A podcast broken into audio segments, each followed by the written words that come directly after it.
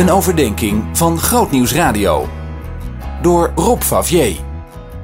Psalm 8 is echt een psalm die je s'avonds heel laat nog even moet lezen.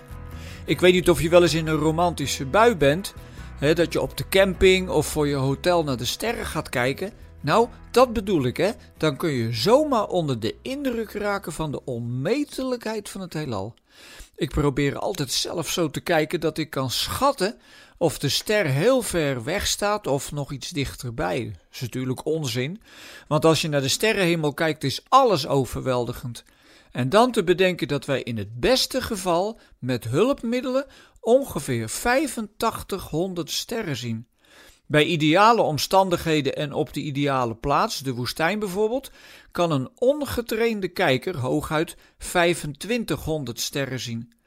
Dan zijn er ook nog schattingen van het aantal melkwegstelsels in ons heelal.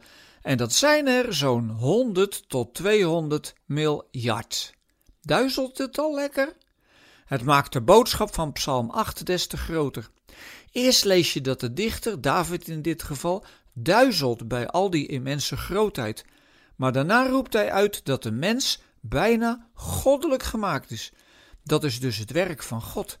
Die psalm vertelt ons dat wij geen dingen zijn die in een enorm stelsel meedraaien, maar dat we door God worden gezien. En dat we zelfs een belangrijke taak van Hem hebben gekregen. Hij heeft ons het werk van Zijn handen toevertrouwd. Dat is nogal wat. En vaak vraag ik me af of het niet beter was geweest als God dat niet had gedaan. We maken er zo'n zootje van op aarde.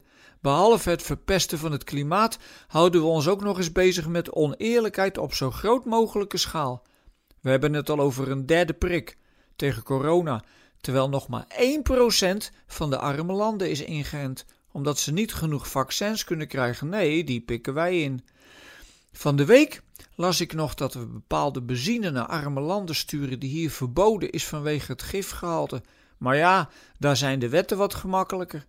Elke keer ontdek je weer hoeveel bedrijven geen of nauwelijks een moreel kompas hebben. Het gaat immers om de winst. In Psalm 8 wordt onze horizon flink uitgebreid. Het gaat daar echt niet om het allerindividueelste zielenheil voor het allerindividueelste individu. Wel nee, het gaat over de hele wereld. Die God die ons in dat onmetelijke heelal heeft aangesteld op dat kleine planeetje aarde, heeft ons bijna goddelijk gemaakt, met alle mogelijkheden die hij ons gegeven heeft. Maar het gaat fout op het moment dat wij het woordje bijna weglaten en onszelf echt goddelijk beginnen te vinden. De een vindt zich dan nog net iets goddelijker dan de ander en probeert zo zijn macht over die ander uit te oefenen. Maar de bedoeling is juist dat wij de naam van God machtig laten zijn op de aarde, door te weerspiegelen tot welke grote dingen Hij ons geroepen heeft. Zien in nog een podcast? Luister naar Verhalen van Hoop via grootnieuwsradio.nl/podcast.